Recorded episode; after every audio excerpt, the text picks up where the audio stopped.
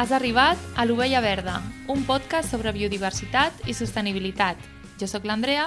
I jo la Marta. Cordes les xiruques, que comencem.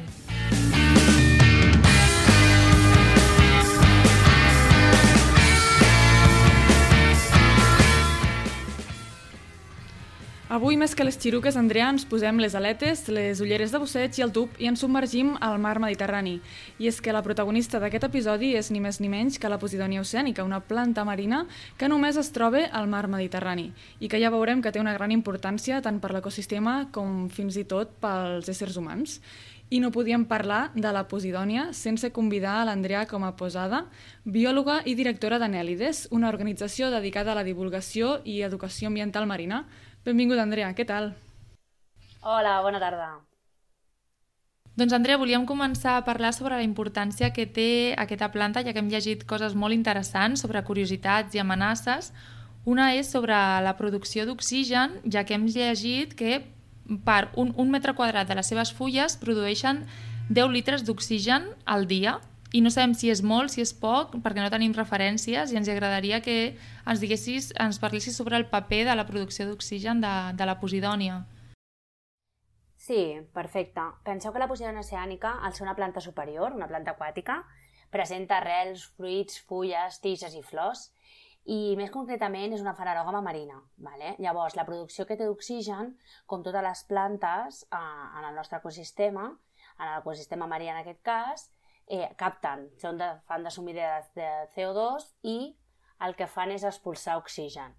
En aquest cas, en el Mediterrani, en trobar-se diverses espècies de fanerògames i ser la més important i l'endèmica, que només es troba aquí, la Posidònia oceànica, té un paper fonamental a l'hora d'alliberar l'oxigen en el nostre mar. Clar, també has comentat el tema de que fa d'embornal de, de diòxid de carboni, no? Això realment ens interessa moltíssim, més en el context de canvi climàtic en el que ens trobem, no? que no ens interessa uh, que hi hagin emissions de, de diòxid de carboni a sobre si tenim una planta com aquesta que fa d'embornal, no? que mm, absorbeix aquest, aquest diòxid de carboni. Això és, és, és un, una funció molt important d'aquesta planta. Sí, perquè penseu que aquesta planta viu la, des de la superfície fins als 40 metres de profunditat. Vale? Uh mhm. -huh. I sobretot la seva presència depèn de la transparència de l'aigua que afavoreix el pas de la radiació solar. És a dir, quan, quan viu en aquesta, en aquesta zona pot fer la, la fotosíntesis i per tant absorbir més diòxid de carboni. Per tant, els grans oceans, és a dir, nosaltres sempre quan pensem amb embornals de, de diòxid de carboni podem pensar en l'Amazones o amb tots els mm, boscos. Mm, sempre. Però realment, sí, però realment la importància és dels oceans, tant el fitoplàcton com les plantes marines. Sí, és una mica com la, la tendència aquesta general, no? De, bueno, suposo que tenim una imatge a l'imaginari de el pulmó del planeta sí, és l'Amazones i realment no ens estem adonant que és l'oceà. Les grans oblidades, les sí. plantetes marines i el fitoplàcton encara, encara, encara pitjor. Sí, I, perquè penseu sí. que el 70% del nostre planeta és aigua. Llavors, partint d'aquesta base, de que el nostre planeta el diríem planeta Terra, nosaltres des d'Anelles ens agrada molt dir-li planeta blau, perquè el 70% és aigua, penseu la quantitat d'oxigen que pot produir i absorbir diòxid de carboni. Clar, clar, ja només amb el volum ja té una importància increïble. A més, també aporta altres beneficis ecosistèmics, no? Per exemple, a nosaltres ens agrada molt aquesta part, que és que fa de refugi i de, i de zona de cria d'altres espècies, de, pues, és, acull biodiversitat, no? Quines són potser les, les espècies més característiques que, que hi podríem trobar? Quines són? Sí, penseu una coseta, les, les praderies de Posidònia oceànica tenen milers d'espècies a, a, a dintre. Són l'hàbitat i l'alimentació de moltes, moltíssimes espècies. Podem trobar les estrelles de mar, des de l'estrella vermella o l'estrella més de sorra. També podem trobar moltes esponges que fan, que fan filtratge de l'aigua, per tant són filtradores. També podem trobar moltes espècies de peixos diferents, com fadrins donzelles, que segurament la gent els coneix, serrans, vaques serranes, castanyoletes, moltíssimes espècies diferents de peixos, també més pelàgics, que viuen a la columna d'aigua, com també alguns més bentònics. Déu-n'hi-do, déu nhi déu també ens ha sorprès molt una dada, bueno, ja la sabíem, en tenim un amic que està una miqueta implicat en això, ha fet alguna cosa d'investigació i també hem llegit alguna cosa, que le, la Posidònia oceànica pot uh, retenir microplàstics, no? Eh, sí, des de la Universitat de Barcelona vam llegir un article no fa poc que van treure que el que explicava era que la Posidònia oceànica podia retenir aquests microplàstics i com es podia veure això amb les boles eh, de Posidònia que es poden veure a les platges dels municipis on es troba Posidònia. No sé si us heu fixat mai, però quan aneu a la platja es poden veure les fulles seques, que les fulles de la Posidònia són llargues sí. i així molt, molt allargades i molt estretes, i es veuen marrons seques i també les boles de Posidònia. Aquestes boles és amb l'erosió del mar i les corrents han anat fent aquesta forma rodona i a dintre, si tu obres, es pot veure que hi ha microplàstics. Vale? I d'aquí és on es va treure fa poc aquest article que explica que les plantes poden retenir microplàstics i no només microplàstics, sinó que a la mateixa praderia, com fa de barrera, uh mhm. -huh. en el litoral, allà també es poden acumular i s'acumulen bastants plàstics. Sí, de fet, un article periodístic eh, va ser una mica criticat perquè van dir que la van pintar com el fairy del, del mar. Van dir la paraula fairy exactament, eh? tal qual. Potser va ser una mica sensacionalista, però que té relació, però que bueno, no, és la, no és la solució, no? però, que, però bueno, que té aquest paper i és, és important eh, comunicar-lo i saber-ho, no? Eh... Sí, perquè hem remarcat que té un paper d'habitat de milers d'espècies, també hem remarcat el tema de que produeix molt oxigen, també fa de barrera al litoral, és una barrera natural, doncs també s'ha de remarcar això, no? Que... Sí, de fet, de fet volíem parlar sobre... Bueno, ens en recordem, eh, tothom se'n recorda de, del temporal de 2020 al Glòria, no? I les, si tenim praderies de posidònia saludables, també ajuden a, a fer front a aquests, a aquests efectes de temporals de les platges. Correcte, sí. El més important a les nostres platges realment és tenir barreres naturals. I la gran barrera natural que tenim al nostre Mediterrani és la posidònia oceànica, perquè aquestes el que poden fer és que l'erosió de la platja no s'emporti tota la sorra i, per tant, mantenir-la, com el tenir bons reservoris de sorra com són les dunes. Vale? Tant les dunes com les praderies de posidònia serien les grans barreres naturals. Sí, perquè les fulles de posidònia que s'acumulen a les platges també tenen una funció, no? Sí, també fan les barreres naturals. Això sempre...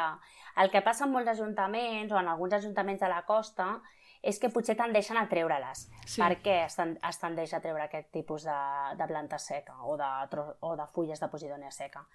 Les treuen per, pel turisme o per quan ens estirem a, la, a les platges, uh. -huh. doncs perquè potser no és tan còmode. Vale? Nosaltres des d'Anèlia sempre estem molt implicades en aquest tema i intentem que no es treguin mai de les platges. Són nutrients i afavoreixen, fan de barrera i per tant afavoreixen que no hi hagi tota l'erosió de la, del litoral. Per tant, sempre és, és important comentar-ho i dir-ho que no, que no s'hagin de treure. Clar, hem de començar a canviar aquest paradigma no, de que fulles a les platges són platges brutes, no és així. Uh, fulles de Posidònia a les platges són platges més resilients i, i més saludables, no?, al final. Correcte, són platges més naturals hem de tendir a naturalitzar les nostres platges. Ja sé que en indrets com Barcelona o Badalona o el Barcelonès costa més, però s'ha d'anar cap a aquest aspecte. O sigui, nosaltres potser és molt més fàcil pensar a la llarga amb una barrera natural a les nostres platges, com poden ser els, els ecosistemes dunars, que no en posar més ciment i posar més dics. S'hauria de replantejar una miqueta el litoral de tot Catalunya. Sí, hem de canviar aquesta mentalitat de que volem una passarel·la, una catifa vermella per arribar a, al mar, que és una piscina salada i que no hi hagi res. Sí, sí, que acostumar-nos a, a, que, a no identificar la posidònia o a la biodiversitat com a, com a brutícia, no? Que, bueno, tal qual has dit. I, bueno, després de comentar eh, les característiques i curiositats i coses més importants sobre la posidònia, doncs, evidentment, eh, com sempre, doncs, ens trobem amb amenaces, no? com sempre o com gairebé sempre. Llavors, quines amenaces pot tenir la posidònia?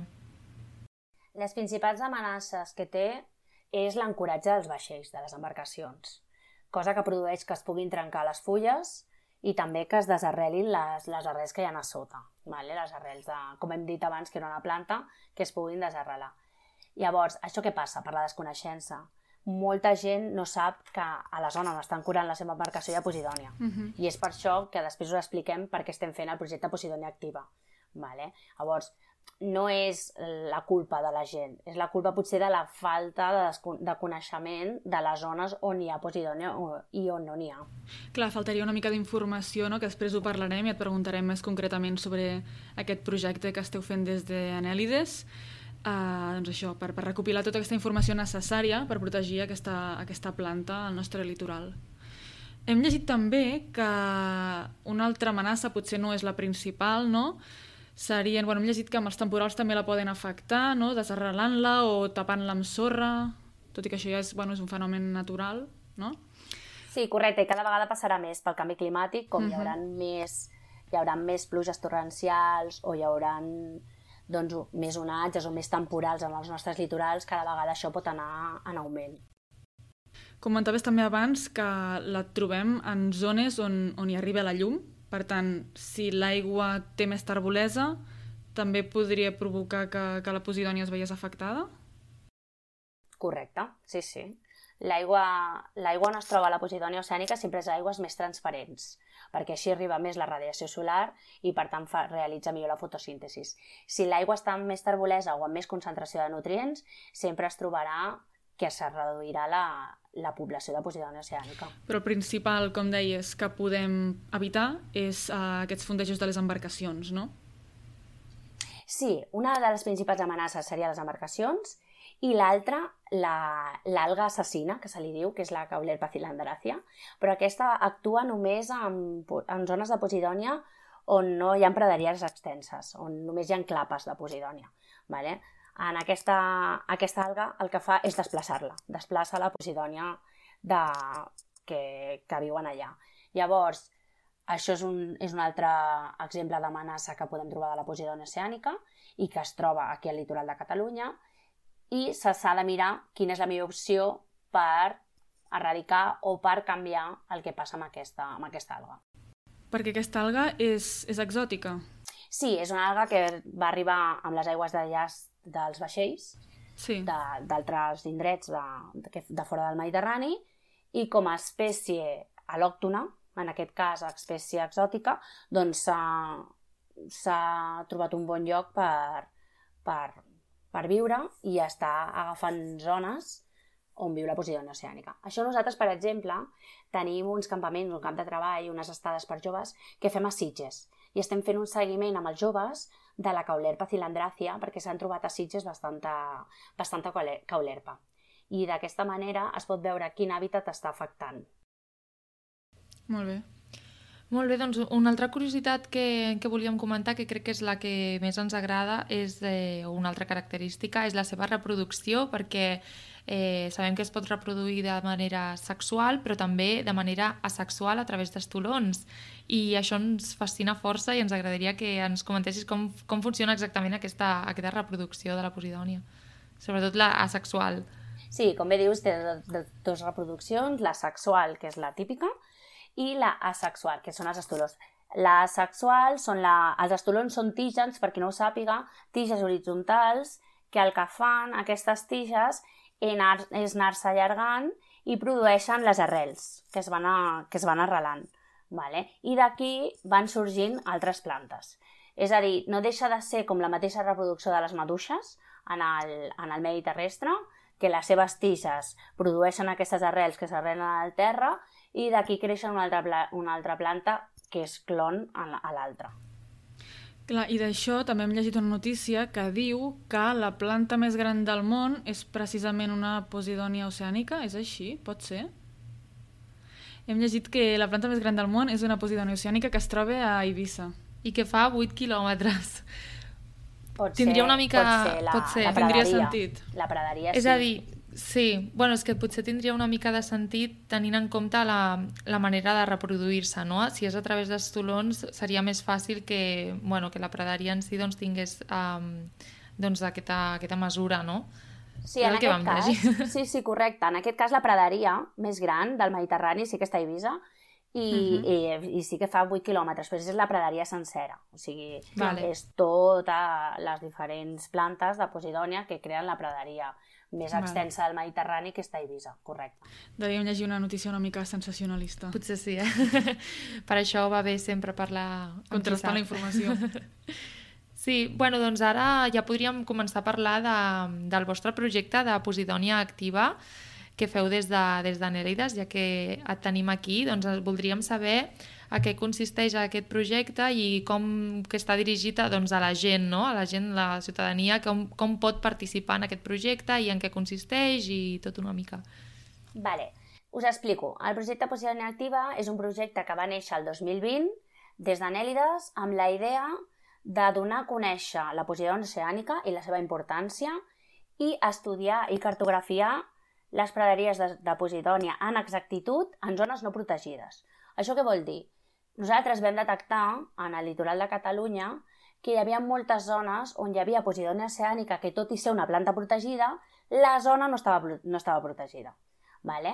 I vam començar per Roda de Barà, on allà vam veure, juntament amb l'associació Oceànicos, que hi havia una gran praderia molt extensa de Posidònia oceànica. I el que vam començar a fer va ser amb una sonda multiat, cartografiar tota la, tot el perímetre i fer immersions per determinar amb exactitud on estava tota la praderia. Veure així també l'estat d'aquesta praderia, la cobertura i la densitat i la biodiversitat associada en aquesta praderia mitjançant fotografia subaquàtica. Llavors, el que fem nosaltres és un projecte de ciència ciutadana on ara, el 2020, vam cartografiar Roda de Barà i Creixell i ara el 2021 estem cartografiant com Arruga i el Vendrell. Vale? Com Arruga, el Vendrell, que seria tota la zona, i Sant Salvador. En aquest cas, els dos barris marítims de, del Vendrell són com Arruga i Sant Salvador. Llavors, el que nosaltres necessitem són voluntaris, voluntaris o voluntàries que vulguin venir amb nosaltres a l'aigua a fer les sessions de submarinisme, on el que fem en aquestes sessions és, amb uns quadrats de 40 per 40, veure la densitat de la planta, els eixos, i també la cobertura, vale? per veure així l'estat de la praderia. I també marquem el perímetre amb uns marcadors que són unes barres de ferro de dos metres que el que fem és amb un mai clavar-los per veure tot el perímetre de la praderia. Això per què ens serveix marcar el perímetre? Perquè amb els anys podem veure si aquesta praderia retrocedeix o avança. I així tenir, a part, amb aquest projecte, tota les, la cartografia amb exactitud de totes la, les praderies de Posidònia en zones no protegides. Així evitaríem potser els fondejos dels vaixells perquè sabrien on es troba la Posidònia i decidirien fondejar uns metres més enllà.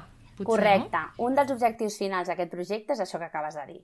Nosaltres el que farem amb aquest projecte, ara que ja tenim dues zones i cartografiades amb exactitud, és fer-les públiques aquestes, aquestes cartografies. I una vegada es fan públiques i arriben a tothom, la nostra idea és, a nivell de Generalitat o a nivell d'ajuntaments a la zona, que puguin arribar a tots els usuaris d'embarcacions i que sàpiguen que en aquesta zona exacta, perquè són cartografies exactes, no podeu ancorar perquè aquí hi ha Posidònia oceànica. Mm -hmm. Llavors, eh, el voluntariat Simplement ha de saber fer snorkel o busseig? Mira, t'explico exactament sí. el que necessitem, perquè aquí hi ha dos, dos vessants molt importants. La vessant més de ciència ciutadana del projecte i la vessant més divulgativa del projecte. Començo per la vessant divulgativa. A la vessant divulgativa el que fem nosaltres és snorkels científics. En aquests snorkels només necessitem que la gent sàpiga nedar i que tingui mm, bueno, més o menys a partir de, de 14 anys amb bona capacitat de natació ho fem, ¿vale? Bona capacitat de natació, això sí.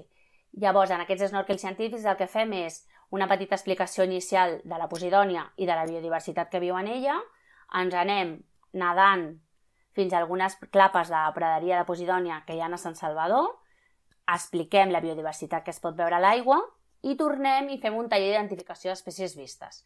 Aquesta és una activitat de divulgació per ensenyar la importància de la posidònia amb totes les curiositats que hem parlat abans.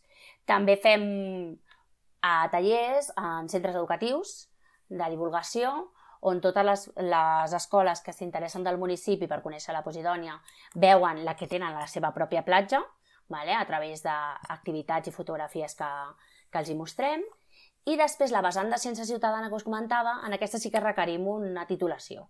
Titulació d'Open Water amb més de 20 immersions o Advanced, sobretot. Vale? Unes titulacions de, de submarinisme perquè es baixen a 14-15 metres i es fan treballs de marcar els marcadors, de, de clavar-los i també treballs de, de cartografia, en aquest cas de la cobertura de, de l'estat de la praderia.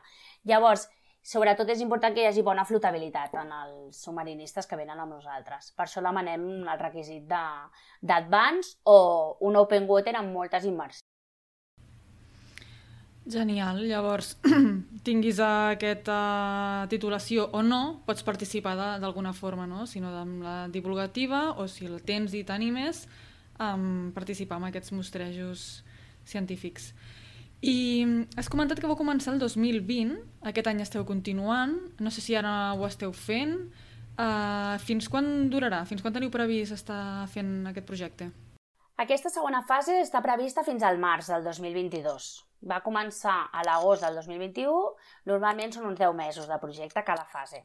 I en cada fase estem fent uns 15 quilòmetres quadrats, entre 13 i 15 quilòmetres. El 2020 van ser 10 mesos i ara també són 10 mesos. Molt bé, i l'any que ve també seguireu fent uh, més el tema de divulgació? Vale, això depèn del tema de, de si seguim l'any que ve.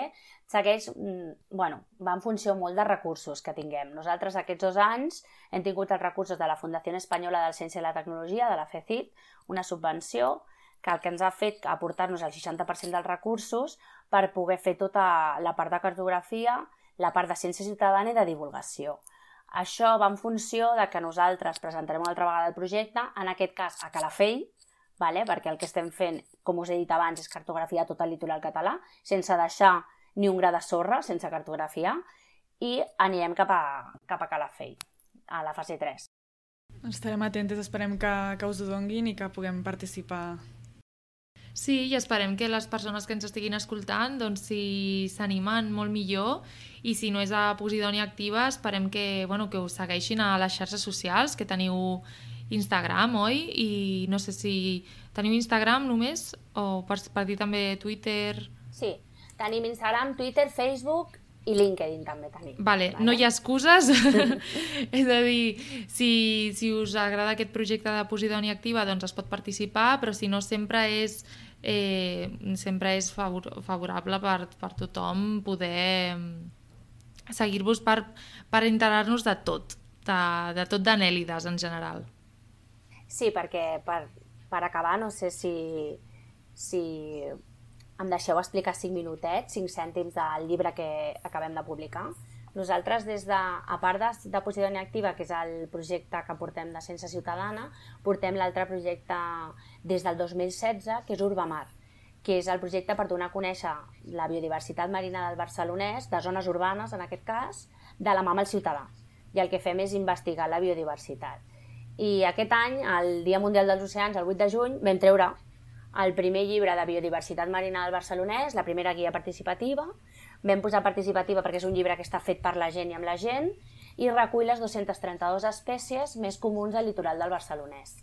I era per explicar que a Barcelona, tot i ser platges urbanes, hi ha molta biodiversitat. Que si voleu en un altre podcast ja, ja parlem d'aquest projecte. doncs moltes gràcies, Andrea, per venir avui a l'Ovella Verda. Ens ha agradat molt parlar amb tu, hem après molt i per, bueno, gràcies per explicar-nos també la importància de la, Posidònia, de la Posidònia oceànica. Gràcies a vosaltres per convidar-nos. Encantades de participar. Gràcies per escoltar-nos. Fins la Adeu.